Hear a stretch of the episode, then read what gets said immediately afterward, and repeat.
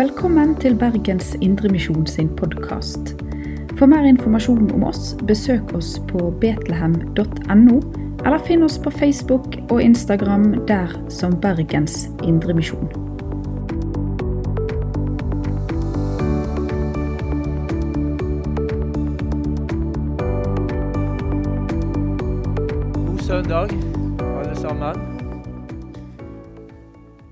Det er fortsatt eh, sommer, men eh, jeg syns det er godt å komme i gang igjen, inn eh, i mer hverdag og inn i rutiner. Å kunne samles på søndager igjen her i Betlehem, det, det syns jeg er flott. Vi hadde jo gudstjeneste forrige søndag òg. Og eh, i dag er vi altså samlet igjen. Og da vil det bli framover slik det pleier, hvis Gud vil, at vi kan samles, de som ønsker i alle fall, her i forsamlingen og høre og samles om Guds ord. Så kan det være sommeren er blitt sånn at du har fått tid til ettertanke. Og eh, kanskje noen tanker har kvernet, kanskje noen gudsord har på en måte vært og blitt ekstra tydelige eller viktige i løpet av sommeren.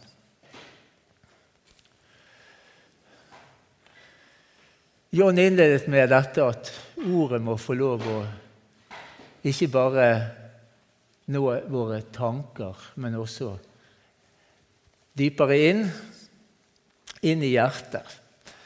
Nå er det jo slik at hjertet var det man tenkte med i sånn hebraisk forståelse, men det var altså et uttrykk for det indre, det dype, det viktigste i et menneske.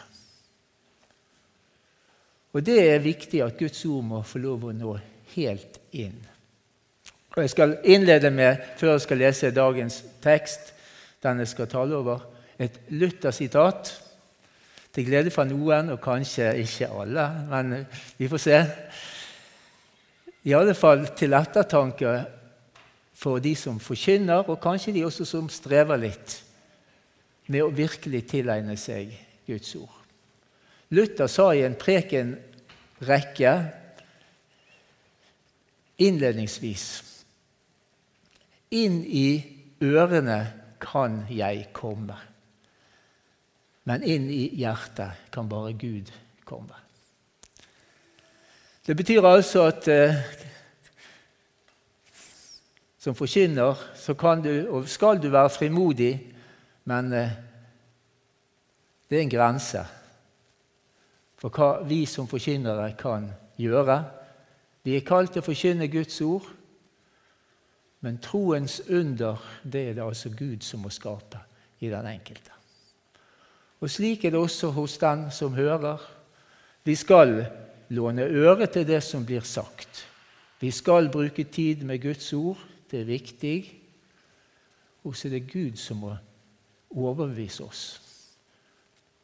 Men da er det altså ordet som er middelet, og derfor er det også slik at når man leser Guds ord høyt sammen, så er dette et sted der Gud har muligheten til å gjøre seg kjent og til å skape og til å bevare oss i en sann tro til det evige liv. Derfor så tenker jeg det er på sin plass før vi forkynner, før vi hører Guds ord sammen, at vi skal også be Gud ved sin ånd om å tale til hjertene våre, åpne opp for det Gud vil si og formidle oss i dag gjennom ordet. La oss be.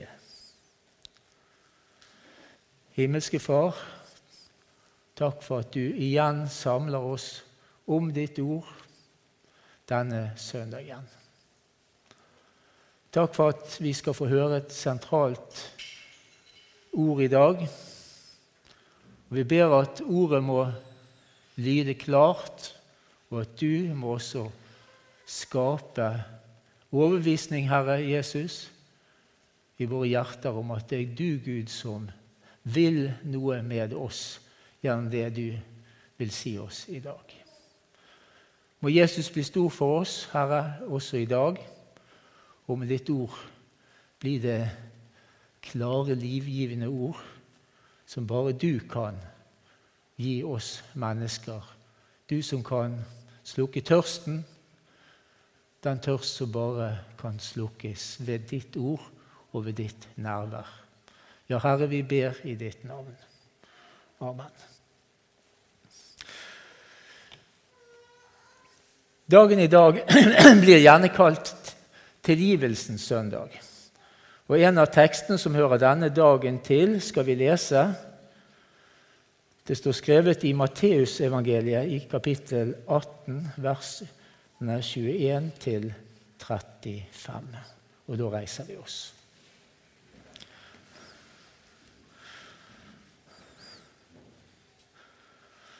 Da gikk Peter til Jesus og spurte, 'Herre, hvor mange ganger skal min bror kunne synde mot meg, og jeg likevel tilgi ham?' Så mange som sju? Ikke sju ganger, svarte Jesus, men jeg sier deg 70 ganger sju. Derfor kan himmelriket sammenlignes med en konge som ville gjøre opp regnskapet med tjenerne sine. Da han tok fatt på oppgjøret, ble en ført fram som skyldte ham 10 000 talenter. Han hadde ikke noe å betale med, og Herren befalte at han skulle selges med kone og barn og alt han eide, og gjeld betales. Men tjeneren kastet seg ned for ham og bønnfalt ham. Vær tålmodig med meg, så skal jeg betale deg alt sammen. Da fikk Herren inderlig medfølelse med denne tjeneren, slapp han fri og etterga ham gjeld. Utenfor møtte tjeneren en, av, tjeneren en av de andre tjenerne, en som skyldte ham 100 denarer. Han grep fatt i ham, tok strupetak på ham og sa, 'Betal det du skylder.' Men den andre falt ned for ham og ba, 'Vær tålmodig med meg, så skal jeg betale deg.' Men han ville ikke. Han gikk av sted og fikk kastet ham i fengsel, og der skulle han sitte til han hadde betalt gjeld. De andre tjenerne så hva som skjedde. De ble dypt bedrøvet og gikk og fortalte Herren sin alt som hadde hendt. Da kalte Herren ham til seg igjen og sa til ham, Du onde tjener, hele gjeld etterga jeg deg fordi du ba meg om det. Burde ikke også du ha vist barmhjertighet mot din medtjener, slik jeg viste barmhjertighet mot deg? Og Herren ble sint og overlot tjeneren til å bli mishandlet av fangevoktere til han hadde betalt hele gjelden. Slik skal også min himmelske Far gjøre med hver og en av dere som ikke av hjertet tilgir sin bror. Slik lyder Herrens ord. La oss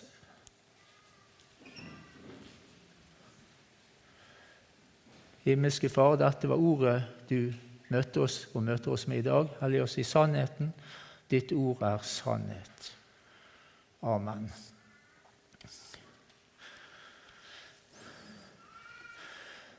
Bibelteksten vi har hørt, begynner med at Peter stiller Jesus et spørsmål. Og Peter får først et kort svar. Deretter utdyper Jesus svaret ved å fortelle en lignelse. Og til slutt så oppsummerer og forklarer Jesus den siste delen av lignelsen. Dagens tema er altså tilgivelse. Både Guds tilgivelse, men også vår tilgivelse. Disse to ting hører sammen. Det er altså en sammenheng mellom både Guds tilgivelse og slik vi skal også være overfor andre mennesker. Bibelteksten belyser tilgivelsens forventede atferd. Men han sier også noe om tilgivelsens grenser.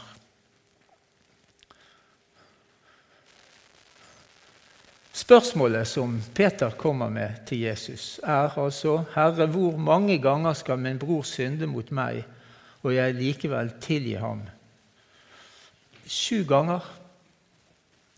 Ja, det er forslaget Peter kommer med. Han vil ha et antall, han vil gjerne vite hvor ofte. Kanskje han har møtt denne problemstillingen gjennom en, kanskje til og med en av de nærmeste disiplene, som av en eller annen grunn kanskje hadde lett for å gjøre igjen og igjen noe som var litt sånn plagsomt. Kanskje komme litt seint til avtaler. Hva vet vi? I alle fall så gjelder det her først og fremst spørsmålet om synd mellom to nære, eller slik det står i Skriften, brødre. Altså, det handler om folk i menigheten. Og vi må forutsette at denne personen i det minste ser sin synd, angrer det som har skjedd, selv om det kanskje har skjedd flere ganger, og kommer for å be om tilgivelse. Slik kommer altså ikke det svaret som Jesus gir, i konflikt med det som tidligere i det like foregående avsnittet ble sagt om en som ikke erkjenner sin synd, og dermed ikke blir løst fra synden. Det er altså noe som må kunne forutsettes her. At det er en som vet om hva som er rett og galt, og som har i det minste et element av anger, i alle fall nok til at han eller hun da ser at her har det skjedd noe som ikke skulle ha skjedd. Og vil gjerne gjøre opp. Peters eget forslag om å tilgi sju ganger overgår en samtidig rabbinsk regel om å tilgi tre ganger. Og Peter tenker nok at han er raus når han mer enn dobler dette forslaget til antall. Og syv er jo et hellig tall, så han tenkte kanskje det var svaret Jesus ville ha gitt hvis han hadde gitt et tall. Men Jesus han responderer og sier ikke sju, men 70 ganger sju.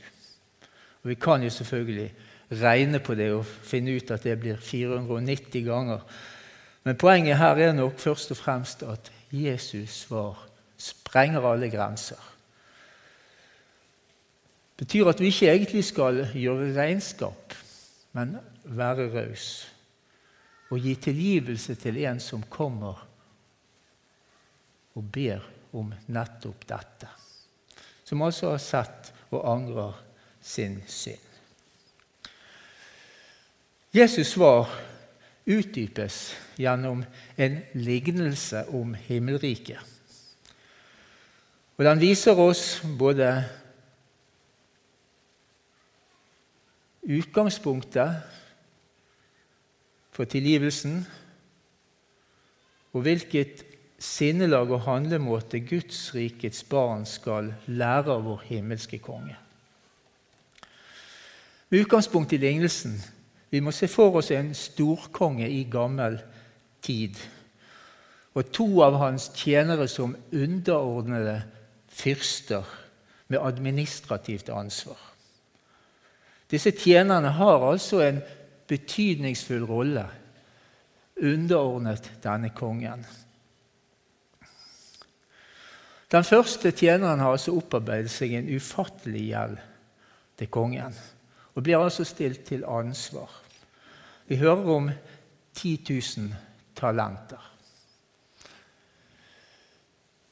Vi bruker jo talent som noe verdifullt ennå i dag. En gave er noe som man er forpliktet til gjerne å forvalte. Men talent er opprinnelig en vektenhet, som også ble brukt når man skulle veie opp verdifulle metaller, sølv eller gull, som også var en måte å betale på. Denne vektenheten var i utgangspunktet ble det sagt 26 kilo, og vi ser for oss her gjerne 26 kilo gull eller sølv. Men så jo, var det en form for inflasjon på den tiden òg. Sånn at på Jesu tid så var gjerne denne vektenheten, i alle fall på Romers tid, så var den økt til 33 kilo. Så det er en stor, stor, verdifull mengde sølv eller gull. Altså en stor sum, om vi skulle regne det om i penger. Så denne første skylder kongen. Vi skal prøve å regne litt på dette for å få et forhold til det. Én talent tilsvarer 6000 denarer. Det er også cirka. Det har litt med at også denaren endrer seg litt i verdi. Én denar tilsvarer en dagslønn. Hvis vi setter denne dagslønnen til ca. 1000 kroner, det er jo ikke mye, men vi kan se for oss noen jordbærplukkere som kanskje får det som dagslønn. Og så kan vi regne ut. Det vil tilsvare 60 milliarder kroner. 60 milliarder kroner hvis vi skulle prøve å få et forhold til det. Det er jo en ufattelig sum, så ingen av oss som sitter her, i hvert fall, har Tror jeg, da. Nå kjenner jeg ikke alle, men uh, det, vi pleier å vite om de som tjener mest i landet vårt. Det er i tilfelle de som er helt der oppe, som er, er der. Da. Men i alle fall, hvis vi regner det om i arbeid, så vil det tilsvare 60 millioner arbeidsdager. 60 millioner arbeidsdager. Det var altså en totalt ubetalelig gjeld denne første tjeneren har opparbeidet og er skyldig kongen. Han blir altså stilt til ansvar for gjelden, og hans løfte om å betale bare han får tid på seg, er jo fullstendig urealistisk. Kongen burde egentlig bli sint på en slik ugudelig tjener. Men vi leser at Herren etter hvert som han angrer og ber om nåde, får inderlig medfølelse med tjeneren. Han har jo både kone og barn, og han får altså ettergitt denne store summen. Billedbruken som lignelsen gir oss og illustrerer for oss, er at denne kongen er altså Gud, og gjeld i utgangspunktet er vår ubetalelige skyld overfor Gud. Og verbet som oversettes 'etterga', andre steder oversettes det 'tilga'. Det handler altså om tilgivelse. Ettergivelse. Dette er utgangspunktet, men i kontrast til denne raushet som kongen gir denne første tjeneren, så fortsetter lignelsen med å fortelle hvordan denne tjeneren forholder seg til en annen tjener som har et mye mindre beløp han skyldte den første. Her er det altså snakk om 100 denarer, tilsvarende 100 dagslønner. Over med samme omregning 1000 kroner. Dagen 100 000 kroner. Det er jo et lavt anslag, men realistisk i den forstand at det er faktisk mulig å gjøre opp for seg. Men denne første, som allerede har fått ettergitt alt han skyldte, tar nå altså strupetak på den andre tjeneren og vil at han straks skal gjøre opp. Og Selv om denne som er skyldig, ber om tålmodighet, og altså selv om beløpet er mulig å betale med litt tid på seg, så er det altså ingen nåde å hente her. Han kaster altså denne andre tjeneren i fengsel, og her skulle han sitte inntil gjelden var betalt. Vi ser altså her en eh, himmelropende forskjell. Og Hans Kvalbein sier i en bibelkommentar at strupetak og gjeldsfengsel til siste øre viser at han overhodet ikke har tilegnet seg noe av storkongens sinnelag og handlemåte. Lignelsen avslutter altså da videre med at denne ubarmhjertige tjenerens oppførsel ble gjort kjent for kongen av andre bedrøvede medtjenere. Kongen kaller ham til seg og stiller ham spørsmålet Burde ikke også du ha vist barmhjertighet mot en medtjener slik jeg viste barmhjertighet mot meg? Og Det er jo et sånt ord som vi kanskje også kan reflektere litt over. Å vise noe av det sinnelag og den godhet som Gud har vist mot oss. Er ikke slik at vi helst bør være slik overfor andre. Men også denne ubarmhjertige tjenerens handlemåte og sinnelag vekker altså kongens irritasjon, kan vi si. Og nå blir denne første, som i utgangspunktet hadde fått ettergitt alt, kastet i gjeldsfengsel. Og her blir han altså plaget helt til han har gjort opp for den gjelden som han opprinnelig hadde fått ettergitt. Men denne tjeneren vil aldri kunne gjøre opp for seg, og dette fengselet blir altså et bilde på fortapelsen og helvete. Det siste verset gir en kort oppsummering og tolkning av lignelsen. Storkongens straff overfor den ubarmhjertige tjener svarer til Guds straff overfor den som har erfart og mottatt Guds uendelige tilgivelse, og likevel hardnakket og bestemt ikke vil tilgi sin falne bror eller søster som ber om nåde. Av noen er denne lignelsen blitt sagt om denne lignelsen sagt at det er som en kommentar til den femte bønn i Herrens bønn. Tilgi oss vår skyld, slik også vi tilgir våre skyldnere. Og Det er også en kommentar i etterkant av bønnen, når vi leser den i Bergpreken. Denne femte bønnen om, bønnen om tilgivelse og forvalte tilgivelse, som Jesus har gitt sine disipler, er først og fremst en påminnelse om at selv om vi er kommet til tro, så trenger vi fortsatt å be om tilgivelse for synd. Fullkommen er ingen. Vi trenger fortsatt å be om tilgivelse igjen og igjen. Gjerne med sorg, men slik er det. Både Guds ord og Jesu forsoningsverk på korset, vi kunne lagt til nødvendigheten av Jesu død på korset, viser at vi mennesker har en synd som må tas et oppgjør med, og som må sones. For at Gud kan gi oss mennesker tilgivelse og igjen få gjenopprettet et tapt gudsforhold.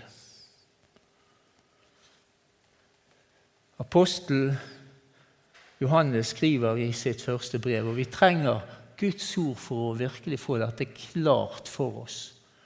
Både vår synd, men også tilgivelsens ufattelige nåde.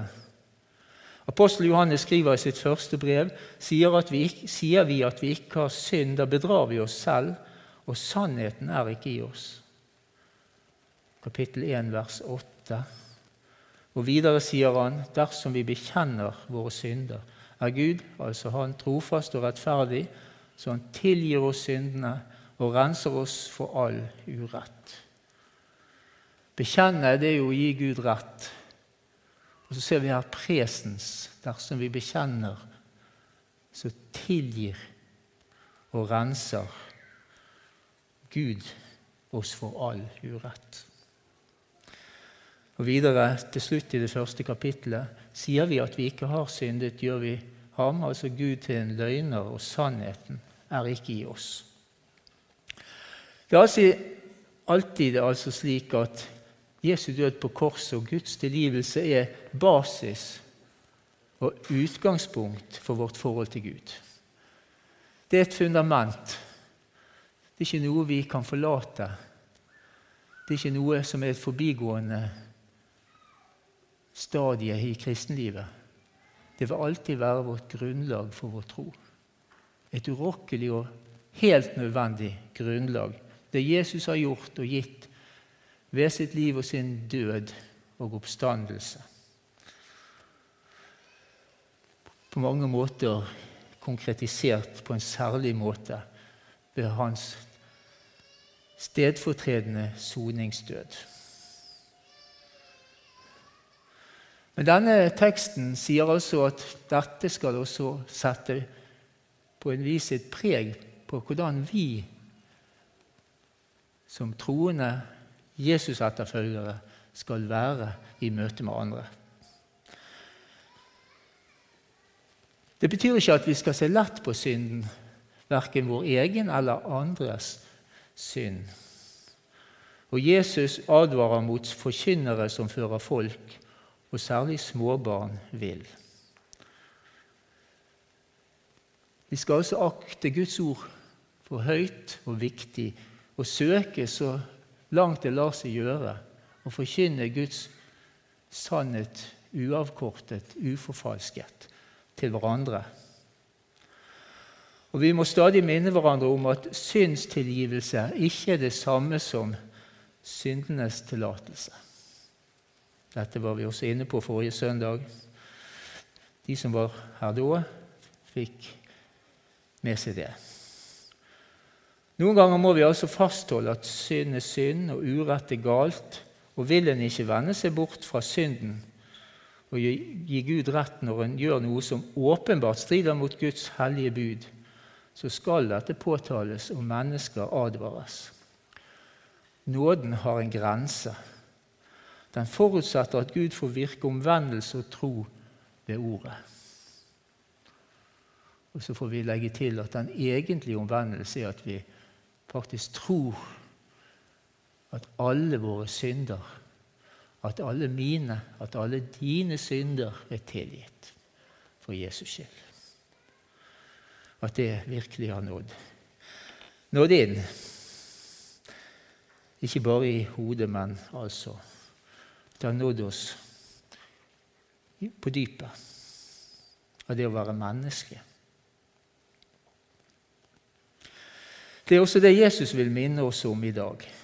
Slik Gud har tilgitt oss, skal også vi tilgi hverandre. Vi skal altså være tilgivende overfor søsken i troen som har gjort urett, som ikke skjuler sin synd, men gjerne vil ta ansvar for det som har gått galt. Og så skal vi altså, slik Jesus har tilgitt oss, forkynne Jesu tilgivelse til andre. Jeg vil sitere enda et vers fra Johannes det første brevet, begynnelsen av andre kapittel. Mine barn, dette skriver jeg til dere for at dere ikke skal synde. Men om noen synder, har vi en talsmann hos Faderen, Jesus Kristus den rettferdige. Han er en soning ikke for våre synder bare, men for hele verdens. Jesu forsoning, ja, den er kjent i himmelen. Han taler vår sak.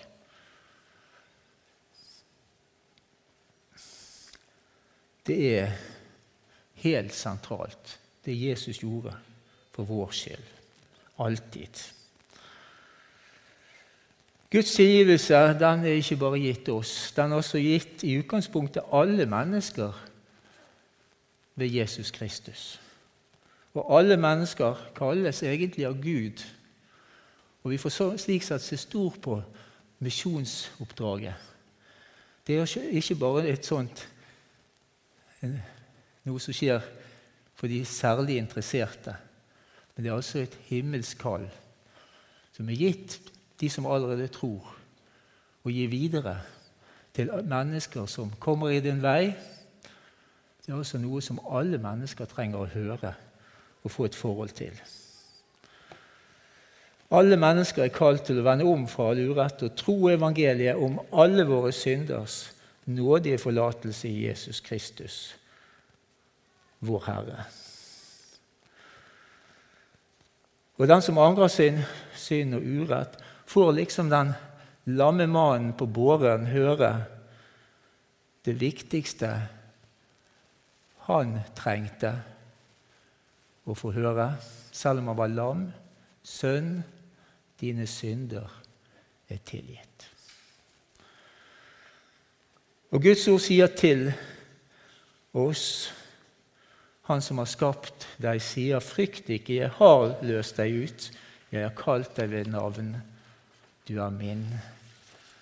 Gud vil ta sine barn i sin hånd. Han vil stelle med oss alltid. Så er det altså slik at vår tro på Gud den allmektige Fader, Sønn og Hellige Ånd kaller oss både til fasthet og raushet. Vi døpes til et liv i forsakelse og til et liv i tro og etterfølgelse av Jesus. Forrige søndag var det dåp, og der ble vi i talen minnet om å ikke bare se flisen i sin brors øye, men legge merke til bjelken i sitt eget øye. Ja, Nå går jeg litt ut av manuskriptet, men jeg husker en gang jeg skulle sitere dette verset. Og Da sa jeg det var viktig å ikke bare se bjelken i sin brors øye, men også flisen i sitt eget øye. Men det var vel ikke helt sånn det var sagt. Nok om det. Men vi er altså kalt først til å rydde opp i eget hus. Og det er nok mye rusk ras der, dessverre. Mer enn vi gjerne er alltid klar over før vi begynner å rydde opp. Noen ganger trenges det en stor rengjøring.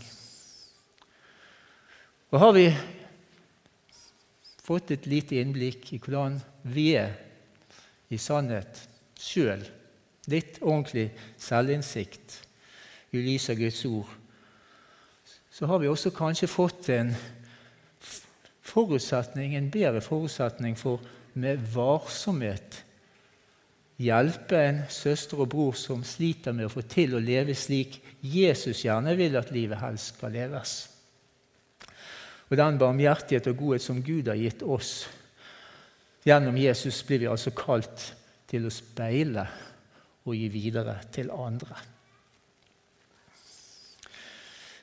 Avslutningsvis i dag, Denne dagen blir altså kalt tilgivelsens søndag. Jesus bruker et pengebeløp for å illustrere skyld og tilgivelse. Og Han sammenligner tilgivelse med en ettergitt gjeld. Vi vet alle at glemt regning ikke er det samme som betalt regning. På samme måte er ikke tilgivelse og ettergivelse det samme som å overgi, nei, overse og fortrenge.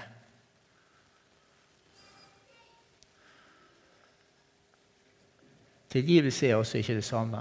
Det gjelder å se det en skylder.